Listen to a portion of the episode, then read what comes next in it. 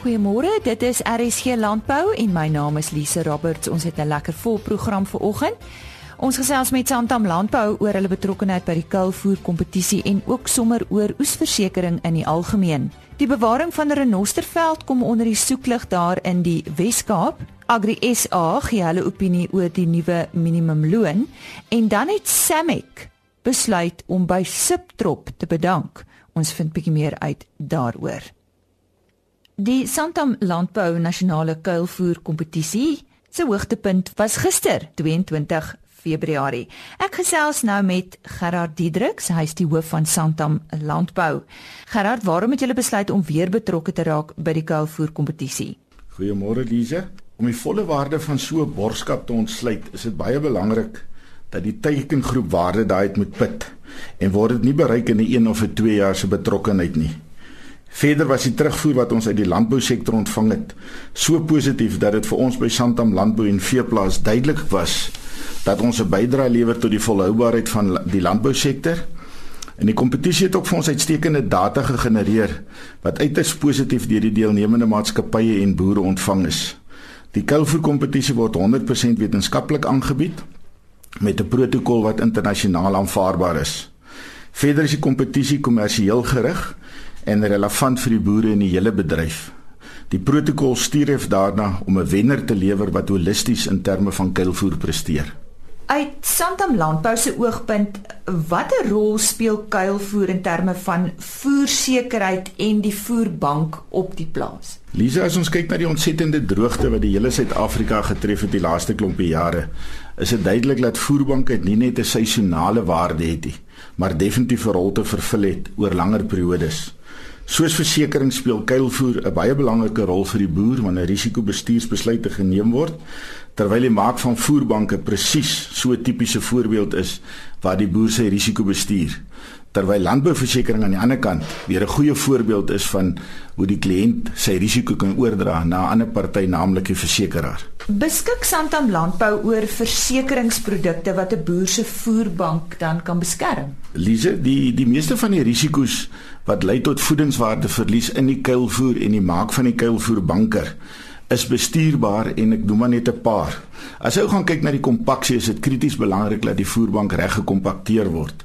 As jy gaan kyk na die bedekking om uh die nodige prosesse aan die gang te kry en hoe die voerbank uitgevoer word, is dit als goed wat beheer kan word deur die boer, die produsent, die maker van die kuilvoer.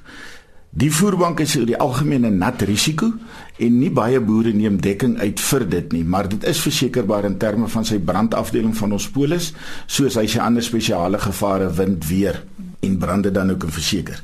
Ek kan nie nou spesifiek dink aan enige implement wat gebruik word in die maak van kuilvoer wat jy nie onder 'n Santam waterpolis kan verseker nie. Maar ek wil voorstel dat jy met jou professionele adviseur praat sodat hy vir jou die regte advies kan gee wat by jou versekeringsaptyd pas. Die jongste Farm Biz Trends navorsingsprojek het getoon dat talle boere steeds nie oesversekering uitneem vir hulle gewasse nie. Is dit ook julle ondervinding en en waaraan sou julle dit nou regtig toeskryf? Lise soos voorheen genoem is daar verskeie opsies wat 'n produsent kan uitvoet uitoefen in die hantering van sy risiko's. Hy kan besluit dat sekere van die risiko's gaan hy self dra seker van die risiko's gaan hy bestuur. As hy kyk na veiligheid dan sit hy veiligheidsmaatreëls in. Maar die wat hy voel wat hom finansiëel kan reineer draai gewoonlik oor aan 'n vennoot wat sy risiko namens hom kan dra. Volgens ons statistiek is, is minder as 50% van alle oeste in Suid-Afrika verseker wat 'n relatiewe lae deelname is. Maar dit kan nou verskeie redes kan aanleiding gee daartoe in die sin dat uh, baie van die groot kommersiële boere boer in verskillende distrikte en daarom voel hy dat weeromstandighede soos haal en droogte gaan hom nie gelyktydig tref nie.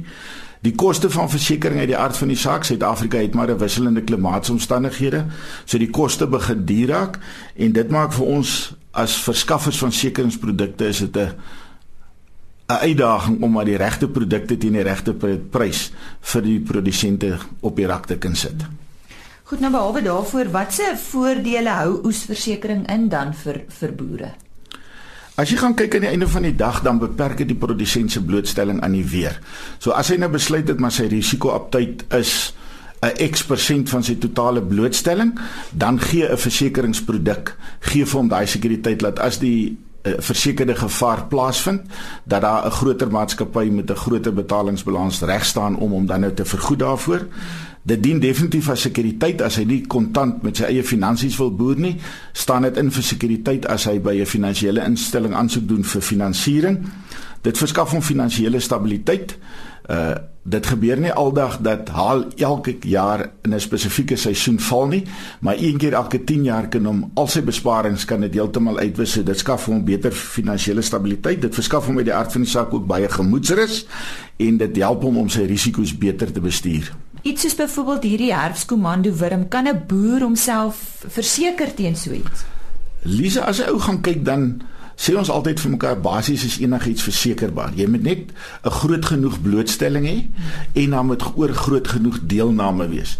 So op hierdie stadium maak die tradisionele versekeringspolis nie voorsiening vir faktore wat jy kan bestuur nie. So as ons sê dis 'n uh, 'n tipiese plaag, dan en as inset 'n uh, uh, spuitstowwe wat jy daarvoor kan spuit, dan is daar gewoonlik nie 'n versekeringsproduk nie. Maar kom as iets gebeur wat jy nie in terme van 'n bespuitingsprogram kan doen nie en daar is so behoefte in die mark, is ek seker af van die versekeraar sal daarna kyk om te sê wie gaan almal deelneem. Ons te groot genoeg versekeringspool en dan tarifeer ons hom oor eensstemmig sodat elke kliënt 'n proporsionele bydrae tot sy risiko vir so 'n risiko bydra en dan kan hy ou so iets verseker. Oesversekering in Suid-Afrika, hoe vergelyk dit met die res van die wêreld? Lise, daar's so drie goetertjies wat ek hier onder sou wil uitbuig. Suid-Afrika is die enigste land waar daar geen staatshulp van enige vorm is nie. So absoluut die boere is op sy eie met versekeringsprodukte om om teen sy risiko te bestuur. Ons is tans besig om met SAIA, dis die Suid-Afrikaanse Versekeringsvereniging, in gesprek te tree om te kyk of daar 'n produk is waar die die publiek, die versekerings en die staat gesamentlik gaan met dan uit die aard van die saak 'n bydra aan 'n deel van die risiko deur die staat. Dit is uh in 'n vergevorderde stadium, ons het nog nie 'n definitiewe ja gekry nie. Ons het in die volgende maand het ons weer 'n paar gesprekke met hulle en dis nie nou net Santami, dis die hele versekeringsbedryf wat ek nou nie die publiek aan buitekant beslei nie. Dan ook aan die einde van die dag is daar 'n relatiewe lae deelname. As jy ou gaan kyk na die weer is is ons potensiële kliënte net so op hoogte van hoe lyk die weervoorspelling vir reën, hoe lyk dit vir haal. Santam self stuur SMS'e uit om te sê maar ons dink daar is 'n bietjie haal wat kom. So omdat daai inligting algemeen beskikbaar is, voel sommige van die produsente uit die aard van die saak dat hulle die risiko self kan dra. Voorbeeld wat ek graag wil gebruik is, sy nou uitklim met die oesversekering het en jy kyk na voertuigversekering, is net 35% van die voertuie verseker maar die risiko is presies dieselfde. So as ons 'n groter deelname kom, dan behoort prys relatief te verbeter. Maar dit is nie noodwendig nie want wat nou gebeur, die ou wat voel sy risiko is goed, hy kan dit self bestuur, klim uit die fonds uit en die mense wat die versekerings nodig het bly agter en uit die aard van die saak is die blootstelling 'n bietjie groter en dit het 'n invloed op uh, beprysing en onderskrywing. En dan daar is ander soortgelyke produkte wat die boer dan ook kan vat. Hy kan sy eie finansiering doen, hy kan sy eiendom as kollateraal gee wat hom nie verplig om versekerings uit te neem. Ek dink dit is van die hoofredes oor hoekom daar so lae deelname is. En dis vir ons 'n lekker uitdaging sodat ons weer daar's nog baie kliënte aan wie ons ons versekeringsprodukte kan beskikbaar stel. Ek het daag selfs met die hoof van Santam Landbou, Gerard Diedriks. Volgende aan die woord is Jan Kutse van die WWF. Hy gesels oor Renosterveld.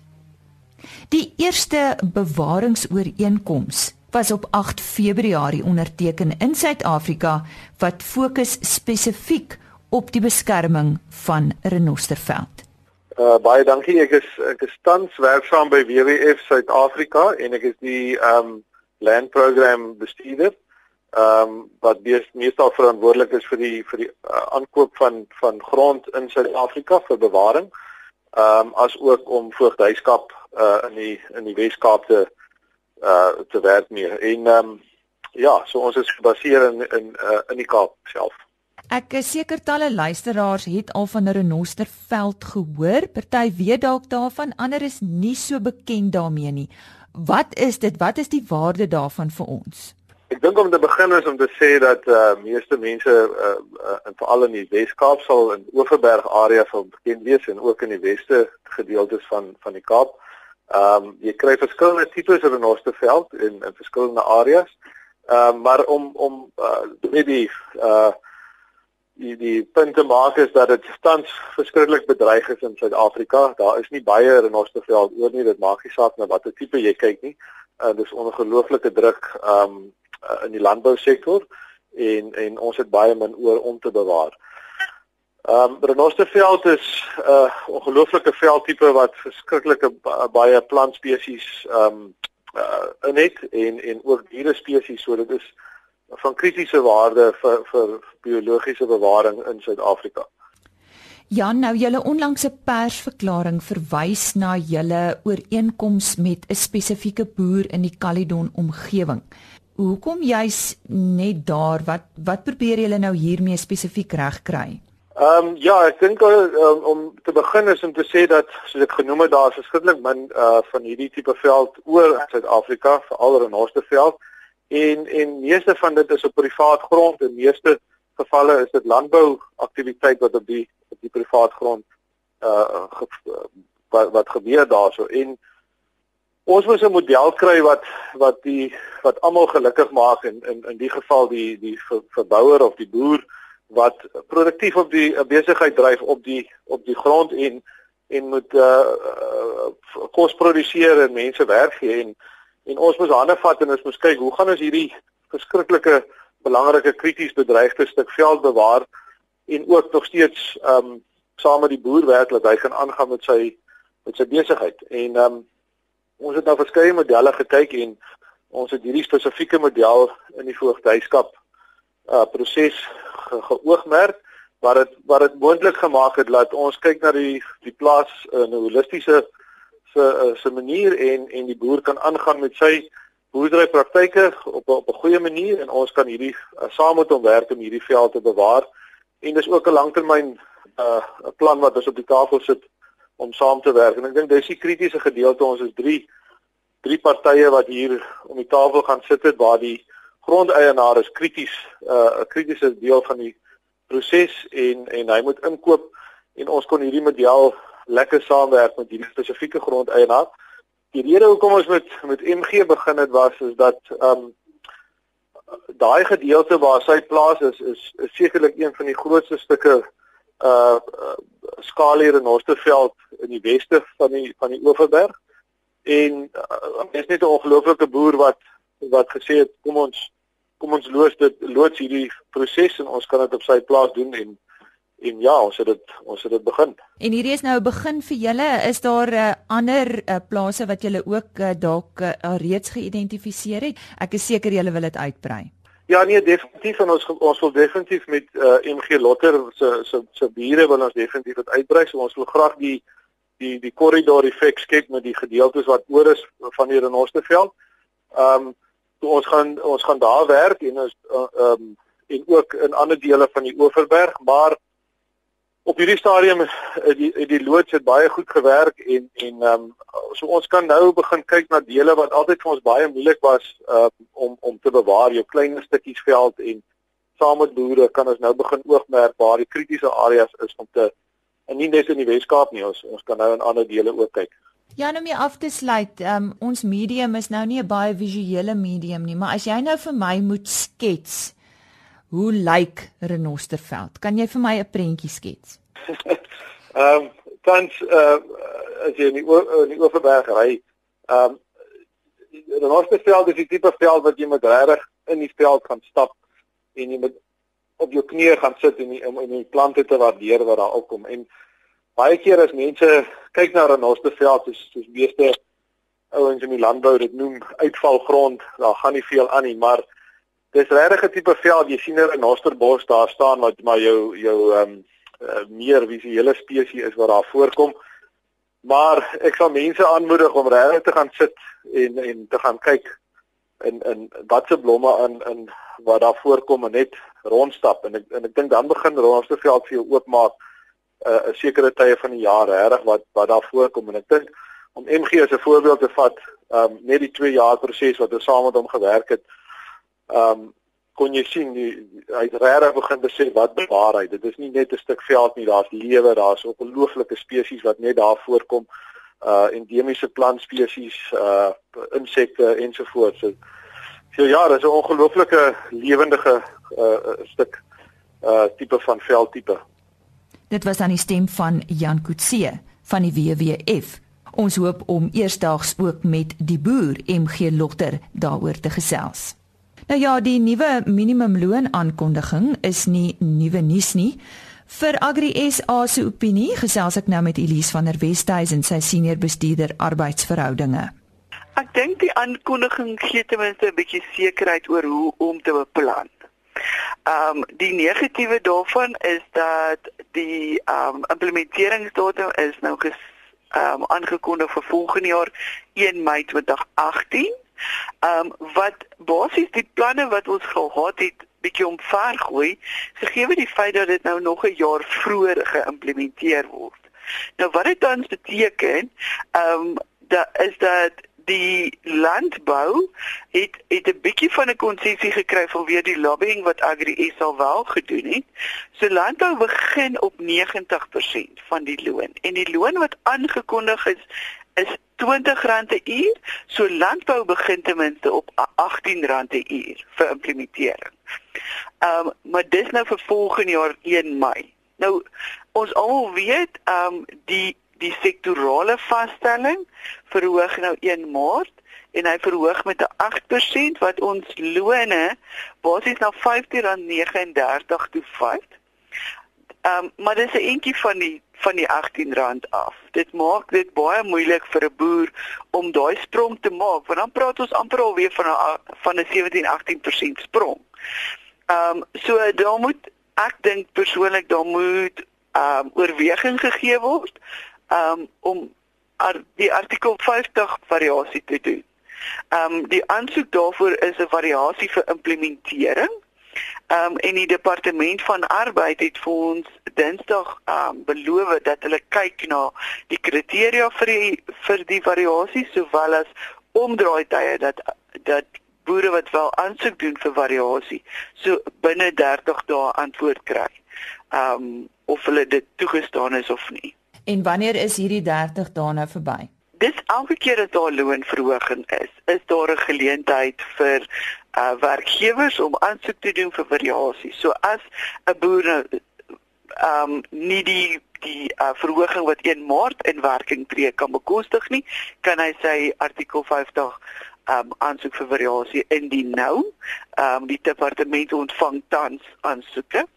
Um en van die data wat hy ingedien is, kan hy dan nou um aanneem dat hy variasie tot die departement vir hom sê hy het dit nie gekry nie. Nou ek dink dieselfde gaan waarskynlik volgende jaar geld. Um die departement het eintlik gesê dat hulle hoop om 'n 4 maande tydperk te kan hê waar waar tydens um individuele boere dan nou aansoek kan doen vir die artikel 50 variasie. Nou daar seker heelwat eh, boere wat gaan aansoek doen vir hierdie variasie. Um is daar die arbeid arbeidsmag in plek om al hierdie aansoeke te kan hanteer? Wel, die departement het vir ons verseker al is, um in die verlede was dit maar redelik onder druk om dit wel te kan dateer. Ek kan nie sien dat dit wel so kan wees nie. Ek vermoed hulle gaan redelik swaar trek om dit binne daai tydperk te kan doen. So as 'n boer nou die variasie ingedien het, um en dit word nou nie geprosesseer voor 1 Maart nie, uh wat wat wat kan gebeur? Wat se voorstel het jy? Kyk, as hy nie as hy nie 'n antwoord gekry het voor die 1 Maart nie. Ehm um, of hy het nie ingedien voor 1 Maart nie. Wat wat die departement basies doen is van die datum van indiening. So sê nou maar hy hy dien eers 1 Maart in of hy dien einde Maart in, dan kan hy basies van daai tydperk af vorentoe dan op die op die voorstel wat hy ingedien het, die die werkers betaal. As dit dan toegestaan is, dan kan hy so aangaan. As dit nie toegestaan word nie, dan moet hy terugbetalings doen. Vanaf die datum wat hy dan nou op die op die veranderde ehm um, bedrag betaal het. Die senior bestuurder arbeidsverhoudinge by Agri SA, Elise van der Westhuizen. Samek oftewel die Suider-Afrikaanse Makadamia Kwekersvereniging het onlangs sy bedanking ingedien om te onttrek van subtrop. Ek gesels nou met Barry Christie, bedryfsbestuurder vir Macadamias by Subtrop. Eerstens Barry, verduidelik hoe pas Samek huidigelik in by Subtrop? Goeiemôre Lize. Strop is die Suid-Afrikaanse subtropiese kwekersvereniging wat tans bestaan uit vier lede, naamlik die Suid-Afrikaanse avocado, uh, macadamia, mango en lychee kwekersverenigings. Uh, dit is 'n nuwensgewende sambreel organisasie wat basies 'n administratiewe rol speel uh, om na die belange van hierdie vier bedrywe om te sien. Subtrop het uh, ontstaan om 'n voordeel te bied aan sy lede om om te deel aan oorhoofse kostes soos die onderhoud van die kantore, salarisse, administrasie ensovoorts. So hierdie vier verenigings se fondse word uh, steeds apart gehou en bestee, maar daar word gedeel op die oorhoofse kostes. En dan die oorblywende fondse word dan bestee aan uh, dinge waarvoor die bedrywe of die verenigings regtig bestaan, soos navorsing, generiese bemarking ensovoorts. So die personeel se tyd word proporsioneel spandeer aan elke vereniging. Uh volgens wat elke vereniging bydra, byvoorbeeld uh uh, uh Samek en Saga, dit is 'n avocado kwekersvereniging. Ehm um, hulle spandeer omtrent of se professioneel spandeer omtrent 80% van hulle tyd op daai twee bedrywe en dan die oorblywende 20% op mangoes en lychees. Nou wat behels hierdie onttrekking waarna ons verwys het? Volgens die konstitusie van Samek kan 10 lede 'n moesie indien en 'n moesie indien om te versoek dat daar 'n spesiale jaarvergadering gehou word waar daar dan gestem kan word op die moesie. So 14 lede het hierdie moesie ingedien dat Senek moet onttrek uit Sitrop met 'n motivering daarvoor. So die Senek raad het toe besluit uh, om 'n spesiale jaarvergadering in elke hoofproduksie gebied te hou wat vervolgens plaasgevind het in die week van 23 tot 26 Januarie. En ehm um, dit is toe gehou in Liverpool, Nelspruit, Southbroom en Donau. En uh Price Waterhouse Coopers uh, het die stemmings behartig en op die einde het 81% van die 216 lede wat gestem het, het gestem dat Samek wel uit sy trop moet onttrek. Eerstens moet daar 'n volle finansiële jaarkennis gegee word wat beteken dat hierdie bedanking eers van krag sal wees vanaf 1 Maart 2018 So, dit is daar ongeveer 12 maande om voorbereidings te tref vir Semek om onafhanklik te kan funksioneer. Wat is die redes wat hierdie lede aangevoer het vir die onttrekking? Daar was verskeie redes aangevoer in die motivering vir die motie. Uh, ek gaan twee hoofredes uitlig. Uh daar was 'n persepsie dat die lidmaatskap wat Semek aan Siptro betaal ongeveer uh, wat om on, wat ongeveer 40% van Semek se totale begroting is te veel is en dat daar te min fondse oorbly om aan navorsing en generiese bemarking en ander projekte te spandeer. Uh, daar is aangevoer dat die Suid-Afrikaanse makadamia bedryf 'n 4 miljard rand bedryf is en Semek daaroor op sy eie moet kan funksioneer. En die ander rede wat waarskynlik die hoofrede is vir die motie is dat lede 'n behoefte het vir 'n vereniging wat 100% fokus op makadamias en nie aandag hoef te verdeel aan uh, tussen ander gewasse nie. Wat is die voor- en nadele van SAMAC of enige ander vereniging as deel van Subtrop? Soos reeds genoem Lize, is daar 'n kostebesparing om uh, deel van Subtrop te wees en om uh, omdat daar verskeie kritiese poste is waarvoor nie een van die verenigings uh, volle salaris hoef te dek nie. En uh, natuurlik word verskeie ander oorhoofse kostes ook gedek soos die onderhoud van die kantore ensovoorts. Uh behalwe kostebesparings is daar ook kapasiteit en ervaring in Subtrop wat 'n lang tyd neem om op te bou. Daar is ook uitstekende verhoudings opgebou oor jare met uh, sleutel regeringsamptenare soos by die departement van handel en nywerheid en die departement van landbou, bosbou en visserye. Mense praat baie keer van kruisbestuiving tussen bedrywe en hierdie uh, kruisbestuiving in Sitrop sal definitief gemis word. Uh, daar is baie uh, wat elke boerbedryf by ander bedrywe kan leer en in 'n organisasie so Sitrop vind hierdie kruisbestuiving passief en baie natuurlik plaas. Ek is uh, seker dat Samek moeite sal doen om by ander bedrywe te leer ehm um, 'n vereniging wat meer gefokus is op op ingewas behoort oor die langtermyn beter te presteer en maak dit tog sin vir sy om op sy eie te staan. Daar is baie veranderinge wat gaan kom en sommige groot en sommige kleiner. Ehm um, een van hulle is se Prophet kwartaallikse joernaal wat aan al die lede gestuur word. Dit is 'n baie aanloklike tydskrif vir adverteerders juis omdat dit verskillende bedrywe van verskillende bedrywe gestuur word met meer as 1000 lede. So klein goedjies soos hierdie gaan definitief gemis word. Wat uh, is die moontlike voor- en nadele vir Samick op sy eie dan in hierdie geval Barry? Samick sou meer gefokus kan wees en met geen gedeelde aandag nie. So dis 'n redelike groot bedryf wat aanhou groei. Ek glo op die oomblik dat Samick nie genoeg sondefondse het om op sy eie beter diens te lewer nie maar dit blyk dat die lede bereid is om hoër heffings te betaal en in daardie geval sal dit beter wees. Dit sal sekerlik 'n geruime tyd neem vir die nuwe werknemers om voete te vind en om al die verhoudings op te bou uh, in die bedryf en in die regering, maar dit is alles haalbaar. Uh, dienslewering kan moontlik afneem in die eerste klomp maande of selfs die eerste jaar. Nou, nadat sy met op sy eie is, maar uh, oor die langtermyn kan dienslewering toeneem en sal dit goed wees vir die bedryf. Nou 12 maande is nogal 'n lang tyd. Uh wat is die plan van aksie intussen? Laat Semek Raad het op 3 Februarie ontmoet en 'n klein komitee van 4 mense wat hulle die evaluasie komitee noem, is saamgestel. Hierdie komitee bestaan uit twee um, huidige Semek Raadslede waarvan een ook 'n subtrop raadslid is. Die ander uh, twee persone is deel van die aanvank, uh, aanvanklike 14 Semek lede wat die moesie opgestel het en ingedien het. Hierdie evaluasie komitee gaan al die rolspelers in die bedryf raadpleeg en al die uh, hoofproduksiegebiede um, om hulle behoeftes te bepaal. Dan 'n uh, plan aan die Semigraad voorlê. So daar is nog baie onbekendes en ons sal moet uh, sien en wag en um, kyk wat die komitee voorstel en wat die raad besluit. Dit is 'n nuwe hoofstuk vir die makadamia bedryf en ek sien daarna uit om te sien wat Samek als gaan regkry in die toekoms.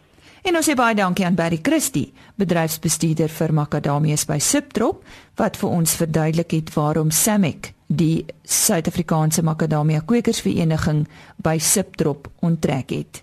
Fluit fluit ons stories uit vir vandag en vir hierdie week. Onthou ons is weer maandagooggend op ons pos Chris Viljoen môreoggend om kwart voor 5 so ook om kwart voor 12 Saterdagoggend. Mag dit met u net goed gaan. Totsiens.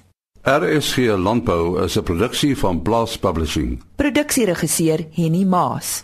Aanbieding Lisa Roberts. En uitskoördineerder Martie Kerstyn.